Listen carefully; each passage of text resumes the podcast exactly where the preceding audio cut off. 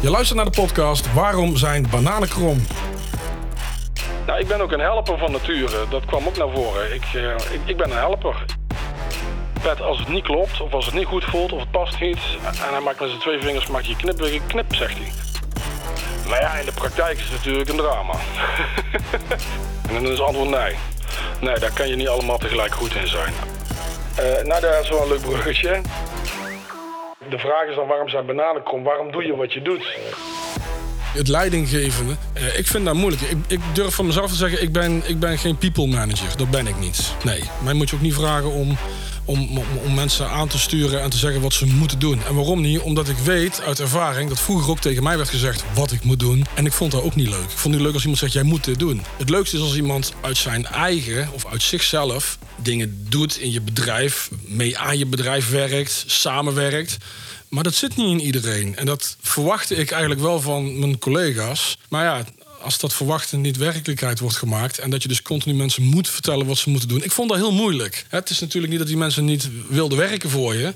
maar ik denk dat het probleem meer bij mezelf lag. Dat ik het moeilijk vind dat je tegen mensen vertelt wat ze moeten doen. Of ik vind het prettiger, laat ik het zo zeggen... als mensen vanuit zichzelf meedoen. Verwacht je dat ook van ze? Toen wel, ja. En nu? Nou, ik heb geen personeel meer, dus... Uh... Nee, maar stel, eh, is, is dat iets wat je van mensen gewoon in de basis verwacht? Ja, dat is, ja, want dat mogen ze ook van mij verwachten. Dat is ook eerlijk om te zeggen. En dat is iets wat ik door de jaren in heb geleerd. Mensen mogen van mij iets verwachten. En ik verwacht, ik verwacht niet altijd iets terug. Dan moet ik oppassen wat ik zeg. Maar als je voor heel veel mensen iets doet... dan komt daar ook een keer op een goede manier terug. Het is niet één op één. Het is niet van ik doe iets voor jou, dus jij moet ook iets voor mij doen. Maar als ik voor honderd mensen iets doe... dan zal er echt wel een keer een verdwaalde tussen zitten... die ook iets voor mij iets terug doet. Heb je ooit wel eens een keer een soort uh, persoonlijkheidstest of een me-test gedaan? Ja. Om te kijken van, want uh, je, bent, je, ik, je bent echt wel een ondernemer. En ik denk dat je ook heel goed leiding kunt geven en, en, en sturing kunt geven. Misschien is dat een ander woord dan, dan leiding geven. Uh, maar je, je, zegt al ja, wat, wat, wat, is er eigenlijk uitgekomen? Ja, dat is ook een mooi verhaal. Ik heb toen ben wat lid geweest bij een aantal businessclubs. Ik was ook voorzitter op een, op een moment van een businessclub samen met een, met een collega. Peter Nouwen heette hij.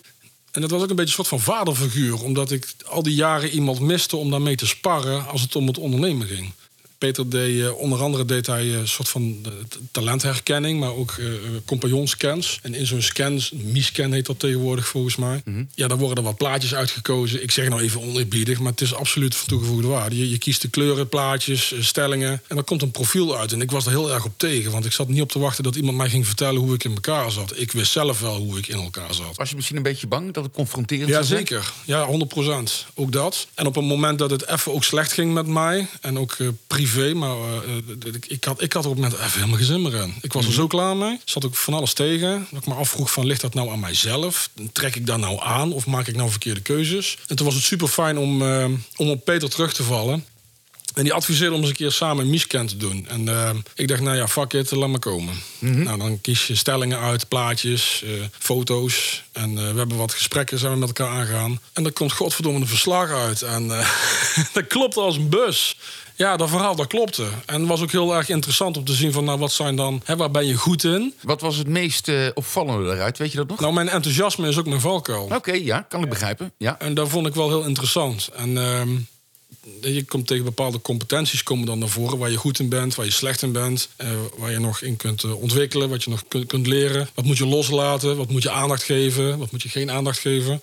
En dat vond ik wel heel interessant. Om daar, uh, om daar eens ook serieus ook naar mezelf te kijken. Om eens een keer in de spiegel te kijken van... Hé, maar wat, ben je nou de afgelopen jaren allemaal aan het doen? Wat heb, je, wat heb je gedaan? Wat ben je aan het doen? En wat wil je gaan doen? Waar moet je mee stoppen? En waar moet je mee doorgaan? En toen merkte ik dat ik moest stoppen met, met energie en, en met mensen bezig te zijn... waar ik eigenlijk ook geen energie van terugkrijg. Of ja, de energieslurpers, laten we het ja, zo ja, even zeggen. Ja, en die had ik nog wel in mijn omgeving, energieslurpers. Maar je dacht dat ze jou energie gaven waarschijnlijk? Nou, ik ben ook een helper van nature. Dat kwam ook naar voren. Ik, uh, ik, ik ben een helper. Ik help graag mensen met, met goede bedoelingen. En niet dat er meteen iets van terug wordt verwacht. Maar ik krijg daar een goed gevoel bij als ik iemand help. Je vader die uh, had een uh, verantwoordelijke uh, functie in de zorg. Je moeder die staat in de winkel. Hè? Die, die, die, die heeft dus ook het, het willen helpen van mensen. Het zit gewoon de standaard in. Heeft jouw zus dat ook? Ja, mijn zus is ook in de zorg gaan werken, inderdaad. Maar die, die, dat was wel een... Dat was wel een knap ding. Tenminste, die kon goed leren. En ik had dat helemaal niet. Dus die werd ook door mijn ouders geholpen om de juiste kant op te sturen. Ik had dat wat minder. En ik merkte naarmate natuurlijk als je ouder wordt... en ook tijdens die, die scan waar we het net over hadden... waarom wil ik zo graag mensen helpen? Dat, was, dat, Mhm. dat kwam er ook naar voren van. Want dat is ook een valkuil. Als je mensen helpt en je hebt er verwachtingen bij... dan, dan kun je dus ook eh, gruwelijk onderuit gaan als je, je, als je Ja. verwachtingen hebt. En dat helpen, dat kwam meer vanuit mijn verleden... omdat ik ook graag geholpen wilde worden. En dat miste ik heel erg. Nogmaals, niks ten nadele van, van mijn ouders... maar meer het, het, het eh, ja, op zoek zijn naar... en op, ook op zoek zijn naar hulp... dat iemand je de juiste kant op, op stuurt... of een duwtje in de goede richting. Dat miste ik. En dat heb ik eigenlijk door de jaren heen ontwikkeld... dat ik die drang heb om, om mensen dan ook in hun ondernemen... om daarmee te helpen. Met alle goede bedoelingen overigens. Niet dat ze het moeten doen zoals ik het zeg... maar ja, als iemand met een zoekvraag zit of met hulp kampt... van hé, daar ga ik je eens bij helpen of ik ga je daarin adviseren. Maar is het ook niet heel erg belangrijk voor mensen om gewoon heel veel fouten te maken? Ja, sowieso. Dat was, is ook was, een, je- was, eh, jij, was jij nou hier geweest misschien? Stel hè, dat, je, dat, dat jij het als, als jong kind... Hè, dat jou was verteld van weet je wat... je moet inderdaad eh, deze opleiding gaan volgen... en dan, kun je, dan, kun je, dan word je nog meer ontwikkeld op het gebied van, van praten. Hè, van, van, ja, ik, ik, ik- ik denk zelf namelijk dat naarmate als mensen heel veel tegenslagen... en dat ze het moeilijk hebben gehad... dat die mensen waarschijnlijk een betere basis hebben... dan iemand die het altijd goed is gegaan. Ja, absoluut. Je moet ook op je bek gaan. Dat is ook, eh, dat is, dat is, dat is ook, heeft ook, is ook lekker. Ja, klinkt stom, maar het is lekker om af en toe op je bek te gaan. Maar het is het lekkerst als je weet dat het ook mag. Hè? Dat je op je bek mag gaan. Op het moment dat er wordt verteld dat je niet op je bek mag gaan... en je moet altijd maar succesvol zijn... Ja, dan, doet het, eh, dan doet ook emotioneel pijn. Ik had geen moeite meer om op mijn bek te gaan. En, en ik adviseer ook iedereen om een keer lekker te vallen. Maar doe daar dan ook iets mee. Hè? Leer daar iets van. En ik heb dat ook moeten leren. En ik heb ook moeten leren om, om sommige lijntjes door te knippen. En, ik ken een hele goede ondernemer uit, uit Friesland. Die leerde mij spreekwoordelijk de schaar. We zaten toen samen in Zweden en die maakte een knipbeweging. Hij zegt, Pet, als het niet klopt, of als het niet goed voelt, of het past niet... en hij maakt met zijn twee vingers maakt een knipbeweging, knip, zegt hij. Dan knip ik het lijntje door. Ik dacht, ja, zo simpel is het eigenlijk ook. Als ik met jou niet klik, of er gaat iets niet goed... waarom zou ik daar nog een hoop energie en tijd en moeite in steken? Omdat ik daar ja, geen energie van krijg. Ik hoef, niet, ik hoef niks financieel terug en ik hoef ook niet het advies terug... maar ik wil wel energie terugkrijgen. Dus het heeft ook met, een stukje met energie te maken, denk ik. En als dat heel veel energie kost en het levert geen energie op... dan moet je dat lijntje doorknippen, ja. Dus dat is in ieder geval een van de dingen die je ook in die, die periode hebt geleerd. Eh, ja, ik heb van veel mensen afscheid genomen toen, ja. Ja, want ik denk dat ook, eh, misschien een persoonlijke vraag, maar hoe is het nou eigenlijk als je zoveel tijd, hè, want je bent eh, om, om half vijf of half zes sta je 's ochtends vroeg op, je komt rond een uur of acht thuis. Ik ga ervan uit dat als ik dat al vijf, zes dagen in de week doe, dat mijn vrouw in ieder geval tegen mij zegt: Sander, ben je wel goed bezig, jongen? Pas, pas ik nog wel in, jou, in jouw wereldje? Ja, dat is een, dat is een hele goede vraag. En mijn relatie is ook in die tijd eh, is, is ook afgelopen, is ook stopgezet. Oké, ja. En daar was ik ook debit aan, ja. En dat had meer te maken Nou, met misschien beide, tijd- hè? want jij deed het voor elkaar. Hè? Je deed het ook, je, Ja, absoluut. Het komt van twee kanten natuurlijk. Hè. En er is van twee kanten te zeggen. Mijn, eh, mijn vriendin toen die werkte in de zorg. Wisselende diensten, avonddiensten, weekenddiensten. Ik was aan het ondernemen en dan s'morgens vroeg tot s'avonds laat. En dan loop je tegen problemen aan. Ja, dan wil je daar thuis wel eens over praten. Maar dan werd ook gezegd van ja, maar jij wilde ondernemen. En het is jouw bedrijf. En ik, ik weet niet wat ik zou moeten. Ik zou het sowieso niet doen. Want Ja, ja, was sowieso net voor ja. mezelf begonnen. dan krijg je een communicatiebarrière krijg je dan eigenlijk. Ja, en ook je gevoelens op dat moment. Want als je ergens tegenaan loopt en je wilt dat thuis delen... dat doe je op een gegeven moment ook niet meer. Hè? Dus dan word je daar wat gereserveerder in. Maar van binnen heb je wel... eh, je, je wil even ventileren. Je wil, je wil je ei kwijt, je verhaal kwijt. En ehm, dan is het fijn als je mensen in je omgeving hebt... met wie je dus kunt praten. En, en die miste ik. Ja, ik had dat in Peter wel... eh, daar kon ik heel goed mee praten en ventileren. Maar het is ook fijn als je dat met je partner kunt. En dat, heeft, eh, dat heeft er ook toegeleid dat we uit elkaar zijn gegaan. Ja, en, en terecht. Ja. En je bent ondernemer geworden op een gegeven moment, terwijl je eerst vanuit een, een, een werksituatie komt. Je stapt op een boot die je eigenlijk helemaal niet kent, met heel veel diensten, heel veel producten, echt van alles. Ja.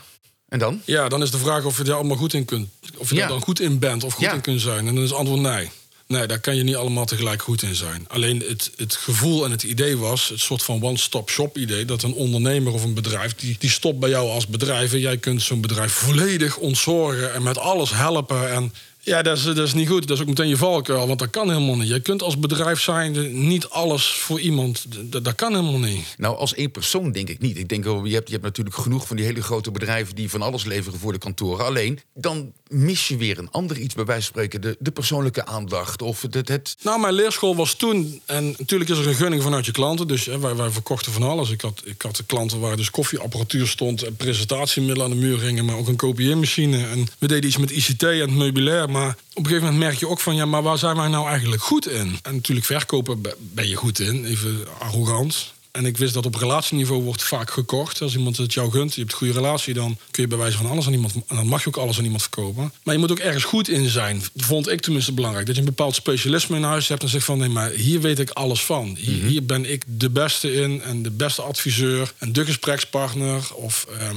en dat, dat misten wij op een aantal vlakken. Ja, dat, dat, en ik merkte ook dat ik dat graag wilde zijn, maar dat, dat lukte me niet. Dat kon ook niet, omdat je met zoveel dingen tegelijk bezig bent. Ja, dat je die specialisme, dat, dat, dat- ja, dat hadden wij niet. Tuurlijk hadden we natuurlijk onze leveranciers en wij deden onze dingen goed. Maar echt tijd om te specialiseren was er eigenlijk niet. En dat Nee. vond ik wel jammer in, in de reis van de ondernemer en in de reis wat ik aan het doen was. En je merkt inderdaad terecht op, je deed zoveel. Maar waar was je dan goed in, vroeg ik mezelf af. Ja, in, in van alles een beetje. Ja, het hele printen, kopiëren, scannen.